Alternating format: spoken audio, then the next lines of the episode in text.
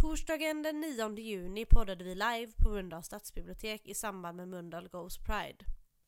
Eftersom både jag och Joakim är uppvuxna i Mölndal så var det extra roligt att få chansen att göra detta just där. För det var ju faktiskt i Mölndal som vi själva en gång i tiden sprang omkring som unga och ovetande.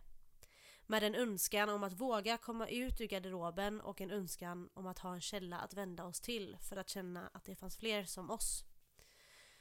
Och det är ju faktiskt en av anledningarna till att vi gör den här podden. För att ge någon det som vi hade behövt. En kanal att lära sig mer ifrån. Dagens ämne är partnerskapslagen och samkönade äktenskap. Hoppas att ni vill lyssna.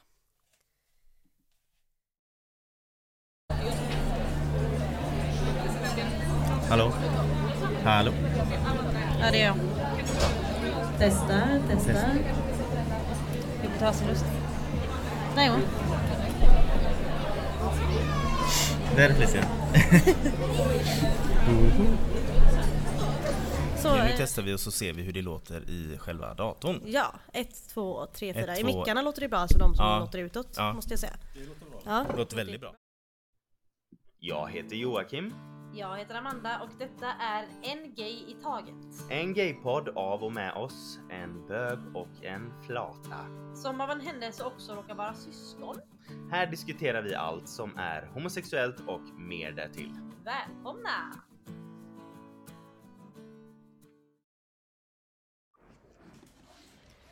Vi spelar ju in live nu.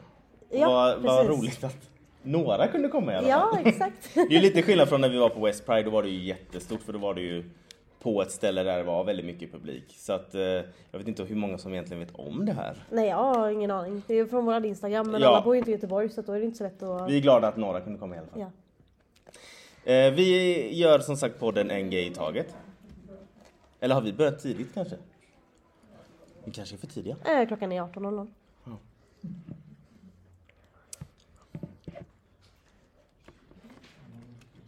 Vi kanske ramlar in.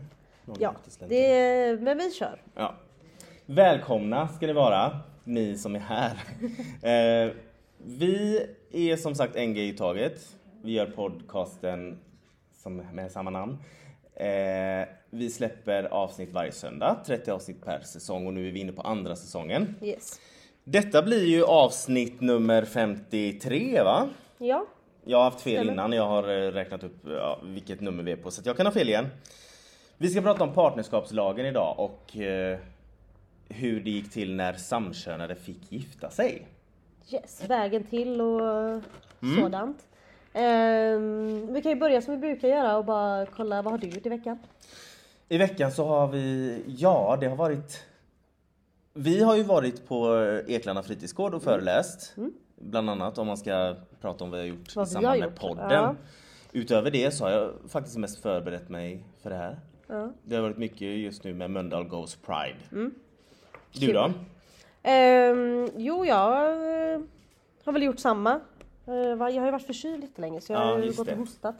Ehm, och eh, fått ett nytt drömjobb. Du har fått ett nytt jobb ja, just Nej, det. ja det är med men jag har fått ett nytt drömjobb. Alltså ett jobb jag drömmer om att bli. Jaha, vad är det då? Ja, jag vill bli landshövding. Jag har du jag- fått det jobbet? Nej, jag har inte fått det jobbet. Jag vill bli en land... Det är mitt framtida... Du har insett vad du mål. vill bli, Vad jag vill okej. göra med mitt liv. Och vad Jag- är en landshövding? Det vet inte jag riktigt. Nej, men det okej. låter häftigt. Det låter häftigt. jag för du har en läste- titel i alla fall. Ja, jag läste det och jag tyckte det lät häftigt och bestämde att det vill jag bli. Men om du blir landshövding så kanske du kan få igenom lite lagar och sånt där. Ja. Ehm, och on that note så kanske vi ska prata om eh, vad vi ska Vi ska prata om det svenska äktenskapet. Det har ju tidigare varit begränsat till att bara gälla en man och en kvinna. Eh, Och detta var ganska tydligt i äktenskapsbalken. Vet du vad det är, Amanda? Nej. Nej, det är den lag som bestämmer om äktenskap. Men någonstans så var det väl någon eh, vingbeklädd fe som eh, ansåg att så här kan det inte vara. För att det första steget mot en eh, mer rättvis värld kan man väl säga, eller ett mer rättvist Sverige, för vi är ju fortfarande bara i Sverige. Det var i maj 1908, 1988. Absolut inte 1908, då hade vi nog kommit längre vid det här laget. I maj 1988, då var jag bara en månad gammal. Eh, då blir Sverige faktiskt först i världen med att faktiskt erkänna samkönade parrelationer på så sätt att man införde att sambolagen även gällde homosexuella par. Och vet du vad sambolagen är? Alltså typ. Ja. Eller det är väl typ att man eh, har vissa rättigheter om man bor ihop. Exakt, sambolagen är den lag som ofta används vid en separation till exempel då. eh, För att reglera vem som äger vad i ett hushåll om man har bott tillsammans och varit ett par. Eh, Till exempel om en av personerna i, i det här parförhållandet flyttar ut eller om en av personerna går bort. Om ett sambopar till exempel gör slut så ska boendet delas lika oavsett vem som har betalat för den. Så det är typ mer eller mindre det, eller sådana saker som gäller sambolagen. Eh, sambolagen innebär att man, man ärver inte, man kan inte ärva eller ta över varandras skulder. För de som är oroliga för det. Eh, och som sagt, det här med sambolagen var ju ett steg i, i rätt riktning för den 1 januari 1995. Samma år som du föddes. Ja, då var jag inte född än men Nej. jag var på väg. Då kom Sveriges partnerskapslag till. Och vad innebär partnerskapslagen? Jo, att homosexuella kunde ingå någonting som liknade och motsvarade ett heterosexuellt äktenskap men med vissa undantag. Man, man kallade detta inte för äktenskap utan man kallade det för registrerat partnerskap. Det låter som att man typ äger en advokatfirma ihop. Ja, Men, ja. men ja, precis. Registrerat, äh, äkte, äh, registrerat äktenskap sa jag nu. Nej, registrerat partnerskap var alltså en motsvarighet till äktenskap. Men ändå inte riktigt samma sak, då det fanns saker som skilde dem åt. Dels så var man tvungen att ha någon anknytning till Sverige. Alltså en av parterna måste ha sin hemvist i Sverige sedan minst två år eller en av parterna måste vara svensk medborgare och ha bott i Sverige eh, under de senaste två åren. Man var också tvungen att vara myndig, alltså över 18 år och inga undantag gjordes. Och då tänker man ju, måste inte alla vara myndiga för att gifta sig? Men så är det faktiskt inte. Eh, när det kommer till, till, då snackar vi heterosexuella par tidigare, så har det faktiskt varit omyndiga personer som har fått dispens och kunnat gifta sig trots att de inte är 18. Nu snackar, Då jag snackar inte vi inte barn. barn, nej. nej, nu snackar jag till exempel om du är 16 år och kanske, eller 16-17 år och börjar liksom, kanske har en partner som Om ni båda är 17 kanske eller den ena är 18 Ja. och den andra är 17. Alltså, det finns tillfällen när man kan få dispens, men det kunde man inte när det kom till registrerat partnerskap. Eh, man kunde heller inte ingå ett registrerat partnerskap på ett religiöst sätt. Det kunde endast ja, men göras via en, alltså inför en civil myndighet. Så en religiös partnerskapsceremoni var alltså inte giltig om man säger rent juridiskt. Visst, om du kände någon präst som inte var homofob. Nej men om du kände någon präst som ville göra det så kunde han göra det men det blev inte rent juridiskt så bli- godkänt. Alltså det gällde inte. Liksom. När de väl skulle rösta igenom det här då, alltså allting måste ju röstas om. Som sagt. Och när man väl då skulle rösta igenom det här i riksdagen så var det Alltså man hade inte riktigt väntat sig hur jämn röstningen skulle vara. Den var väldigt jämn och det stod 117 ja mot 141 nej. Ehm, de som röst- 117 ja mot 149. 171 ja. Ja, jag tänkte väl, för hur gick Ja precis, annars? nej det 171 ja mot 141 nej. De som röstade för var Vänsterpartiet och Socialdemokraterna och av de andra partierna var det endast Folkpartiet, nuvarande Liberalerna, som eh, röstade ja. Miljöpartiet fanns inte med i riksdagen då på den här tiden så att majoriteten av den borgerliga sidan röstade emot men två kända namn som röstade ja från den borgerliga sidan var Fredrik Reinfeldt och Ulf Kristensson. Och om vi går tillbaka till det här med att man, kunde, att man inte kunde gifta sig religiöst.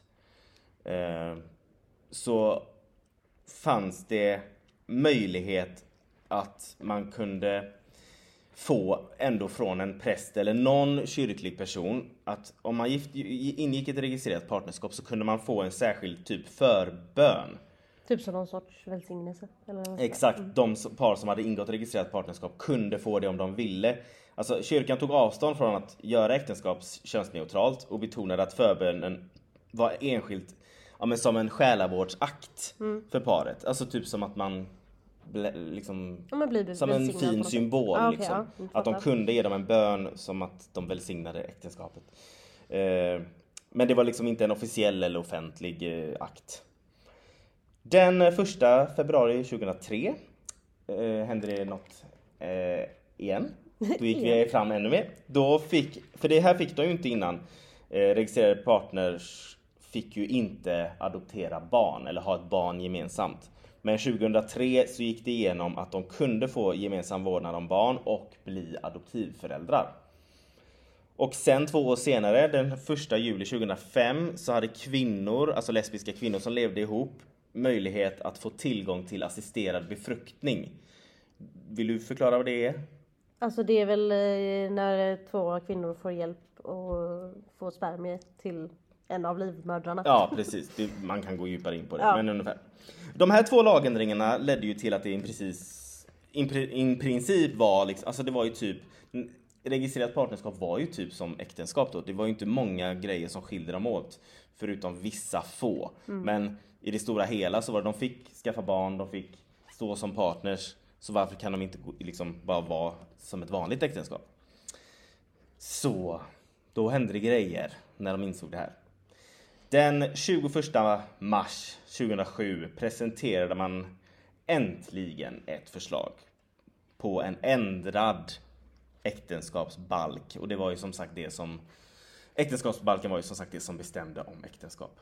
Och den här ändrade äktenskapsbalken skulle ju innebära då att även samkönade par skulle få ingå äktenskap, alltså ett inom situationstecken riktigt äktenskap som heterosexuella har gjort. Och för att citera direkt ur Wikipedia så står det så här. Riksdagens civilutskott tog den 17 februari ställning för ett förslag till ny äktenskapslagstiftning där könet på de som gifter sig inte nämns.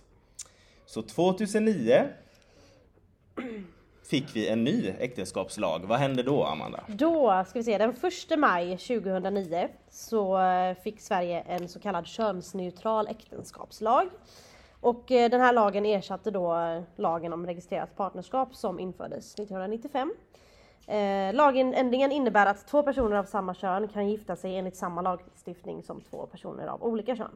Sverige blev då det sjunde landet i världen att göra det lagligt. Så vi var först med registrerat partnerskap. Ja, ju konstigt. Men vi var inte först med att göra äktenskap lagligt. Så vi hamnade lite på efterslänten Ja, där. vi var Mm. lite Så långsamma. många länder kanske gick direkt på Precis, de äktenskap. kanske inte tog det här mellansteget. Ehm, och det är, finns ju som sagt 195 självständiga stater i världen. Alltså länder. Oj, okej. Eh, Vill du gissa hur många av dem som eh, det är lagligt att gifta sig som homosexuell? Jag tror inte jag vågar. Nej, det är i 31 länder. Av 195. Av 195. Jag kan inte matte så jag vet inte vad det säger i procent men det är ju inte mycket. Nej. Ehm, och som du sa innan så är det ju ingen jättestor juridisk skillnad mellan ett partnerskap och ett äktenskap. Nej. Ehm, men många som hade ingått ett sånt här partnerskap valde ändå att göra om det till ett äktenskap när det blev lagligt. Så att de, de, man behövde liksom inte göra om proceduren eller sådär utan man, fick, var man fick liksom omvandla om man var partnerskap. registrerat partnerskap så kunde man bara göra om det så Man att det omvandlade det till ett Ja. äktenskap. Eh, fler kvinnor än män ingår ofta i eh, samkönade äktenskap. Eh, jag vet inte vad det är, det kanske är män som är rädda, jag vet inte. Jag vet inte. De Ja, kanske inte gillar bröllopstårta. Nej, kanske. Eh, bland de som var i samkönade äktenskap vid slutet av 2017 var 56% kvinnor och 44% män. Oj, okej. Eh, och det handlade då totalt om 12 158 personer. Så jag antar att det är mer nu, eller mindre ifall någon har skilt sig, jag vet inte. Ja. Och, eh, men det året som eh, toppar listan fortfarande på när flest samkönade gifte sig är fortfarande 2009 då det laget gick igenom. Så det blev liksom som en wow, nu får vi nu jävlar. Nu jävlar ska vi gifta oss. Ja. Eh, och då eh, var det 1547 personer som gifte sig totalt. Okej. Alltså samkönade Under hela det året. Under hela det året. Mm. Eh, och jag tänkte nu att vi skulle ta lite, för när man gifter sig så är det väldigt många i Sverige som gör det i kyrkan. Mm. Och jag tänkte ta kyrkans framsteg i hbtq-frågan. Vad spännande. Ja, Har du varit inne? jag har varit inne på svenskakyrkan.se Och då har de lagt upp från 40-talet fram till 2021 vilka steg de har tagit i den här frågan. Eh, och 40-talet det började med det året då det avkriminaliserades. Eh, för Ja, så man får inte glömma att det existera. var, det var Det var olagligt fram till homosexuell. 1940 någonting. Ja. Men jag tänkte jag ska inte ta från 50-talet för då får vi sitta här hela natten. Men ehm, jag tänkte ta från 2009 eftersom jag började mitt, min, eh, mitt samtal där. Din resa. Min resa började där. Ehm, just det, det skulle jag fråga innan jag går in på det. 2009 när det blev lagligt, kommer du ihåg det? För Ja. du var ändå gammal. Ja, Eller? så gammal var jag Men jag var ändå 14, jag kommer inte ens ihåg det. Jo men jag kommer ihåg det. Ja. Tror jag. Ja, för jag kommer inte ens ihåg att det var en grej men jag var någon annanstans. Ja. Ehm, I alla fall, Svenska kyrkans historik med hbtq-personers rättigheter från 2009 och framåt tänkte jag så.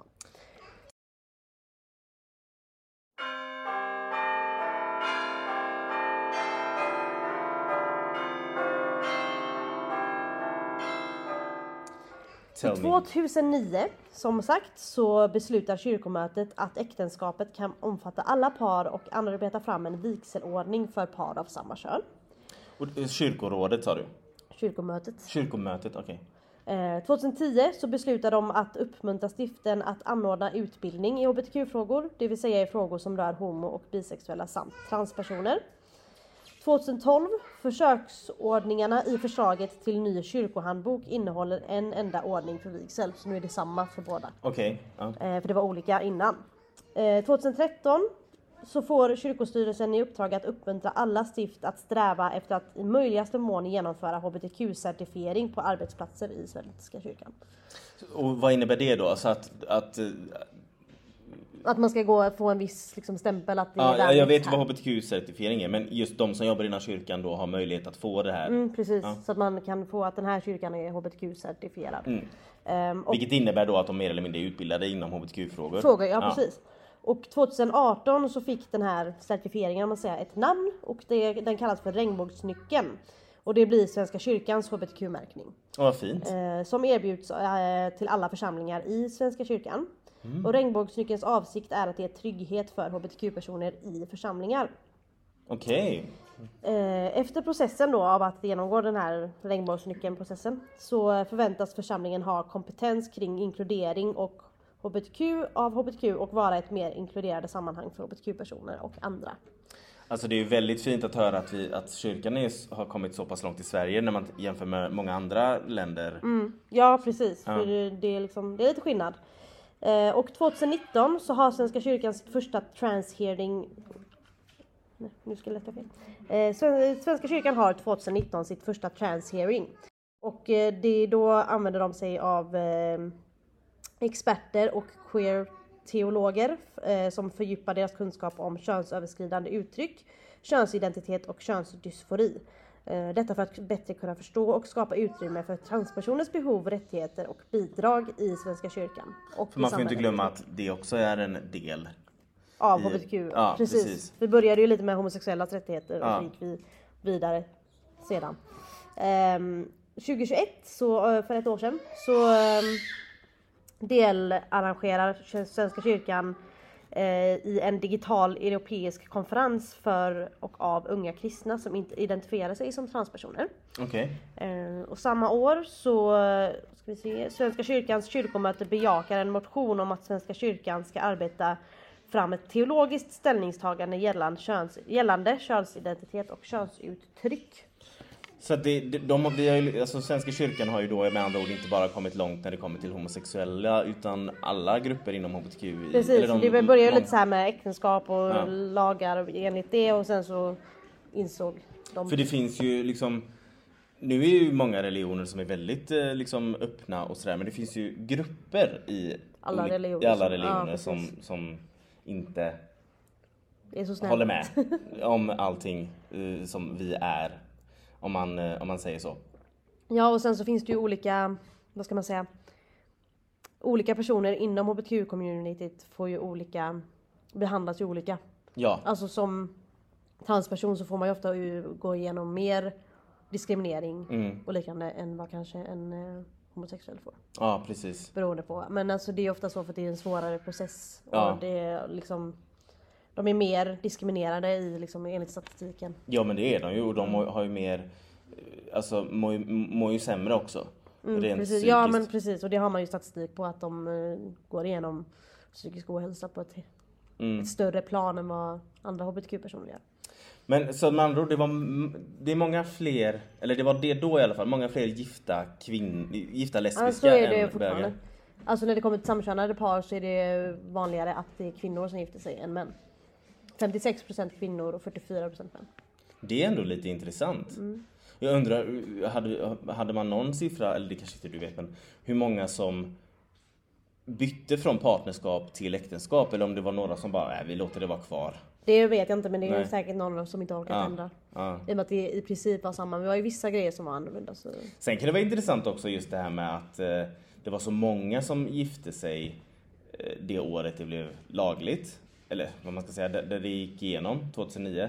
Så kan man ju undra hur många som ingick partnerskap det, det året 95 när det blev tillåtet. Ja precis. Det hade varit intressant Ja, att, du att kolla det? upp. Jag vet inte, jag insåg det nu att jag kanske borde Ja nej men det är faktiskt sant. Ehm, just för att man vill ha någon sorts stämpel på sitt Det förhållande. fanns, ju, det fanns ju vissa homosexuella också som inte valde att ingå partnerskap just för att de tyckte att det var på något sätt en liten diskriminering. Att de inte kunde göra samma som heterosexuella. Ja men att det- speciellt när det var i princip samma, nästan exakt samma Ja. bara att... Ja, men så att de vägrade för att de kände att så länge vi inte kan liksom gifta oss som vi ska, eller som alla andra, så gör vi ingenting. Jo men det förstår jag lite. Mm. Alltså att det, det känns lite, lite som en uh, käftsmäll på något sätt. Ja. Att ni kan inte få detta men ni får något Men samtidigt så får man ju tänka att många var nog glada att vi hade kommit någonstans. Ja men tänk om du tror att du ska få en ban- god jävla mjukglass och så får du en Piggelin. Alltså det är Ja, ju det, inte båda är kul. gott. Båda är gott. nej. Men, eh, nej men exakt. Ja. Och sen så tänkte jag också på det just med ehm, Jag kollade en lista på vilket land som är vänligast eh, för hbtq-personer att bo i. Mhm. Eh, och då ligger Malta på första plats. Okej, Ja. oj, Eh, Sverige ligger på sjätte plats. oj. Så Det är ändå... det är lägre än vad jag trodde. För det känns ändå som att Sverige är ganska känt för att... eh, Vara ett rent, poli- rent land. politiskt då, nu snackar inte jag om de som sitter hemma. Kommentera på Facebook. Nej, men eh, vet, du vad, vem låg tvåa då? Jag tror det var Danmark Jaha, kanske. Två eller tre låg Danmark. okej. Så att eh, sjätte plats låg Sverige på. Spännande. Ja men det märkte vi när vi, i vårt avsnitt där vi intervjuade Oliver som är transperson. Mm. Han berättade ju för oss att det var väldigt mycket lagar där det kom till transpersoner som Ja, inte att Sverige existerade, liksom kom igenom, alltså de gjorde en grej och sen så gick det typ så här flera Och så var de nöjda med det och ja, så och så bara, var de men nu- nöjda med det och så blev det liksom ingenting Ingen mer. förbättring nej Nej, precis. precis. För i, när det kommer till eh, homosexuellas rättigheter så har det ändå gått smått framåt hela tiden. Mm. Men med mycket med transpersoner så har det varit, ja men nu är det här. Och nu är vi klara. Men så är de inte klara Nej, egentligen. och de har ju fortfarande mycket som de måste kämpa för. Mm, exakt. Ja men alltså sådana här små grejer som de inte ska behöva kämpa för. Nej, precis. Som vi inte kan förstå eller sätta oss in i. Nej men precis som- och sen samma eh, just med att skaffa barn. För Mm. du pratade ju om lite där.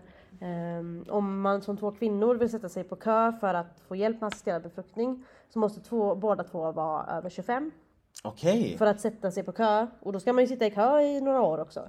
Ehm, så för mig och, och min sambo Felicia då, då blir det ju, för hon är inte 25 än, så måste vi vänta två år till hon är 25 och sen Så- måste vi vänta ett, ytterligare flera år innan Medan andra par kan skaffa Det hade barn. jag ingen aning Så att om, om ett, lesbi, ett, ett lesbiskt par som vill skaffa barn måste vara över 25 båda två. Ja för att sätta sig på kö. För att det är inte så att man kan kö. sätta sig i kö typ när man är 23 och Nej. vänta två år så man blir 25 utan man måste vara 25 för att sätta sig i kö. Och sen sitta i kö några år så jag menar mina ägg kommer ju hinna dö ut. Ja, nu är du gammal vet du. Ja, nej, Du får kan frysa in dem. Ja. Så det är ju, det är ju såklart, eh, alltså om man kollar djupare in på det så kan man förstå att Sverige kanske inte låg först på den här listan. Ja, exakt. Så att vi kan gifta oss och sådär men vi har fortfarande en lång väg kvar. Precis, Mm. det stämmer. Vi får ju tacka alla som kom. Eller ni får Alla som kom. har hittat hit. Ja, Tack så mycket! tack så mycket.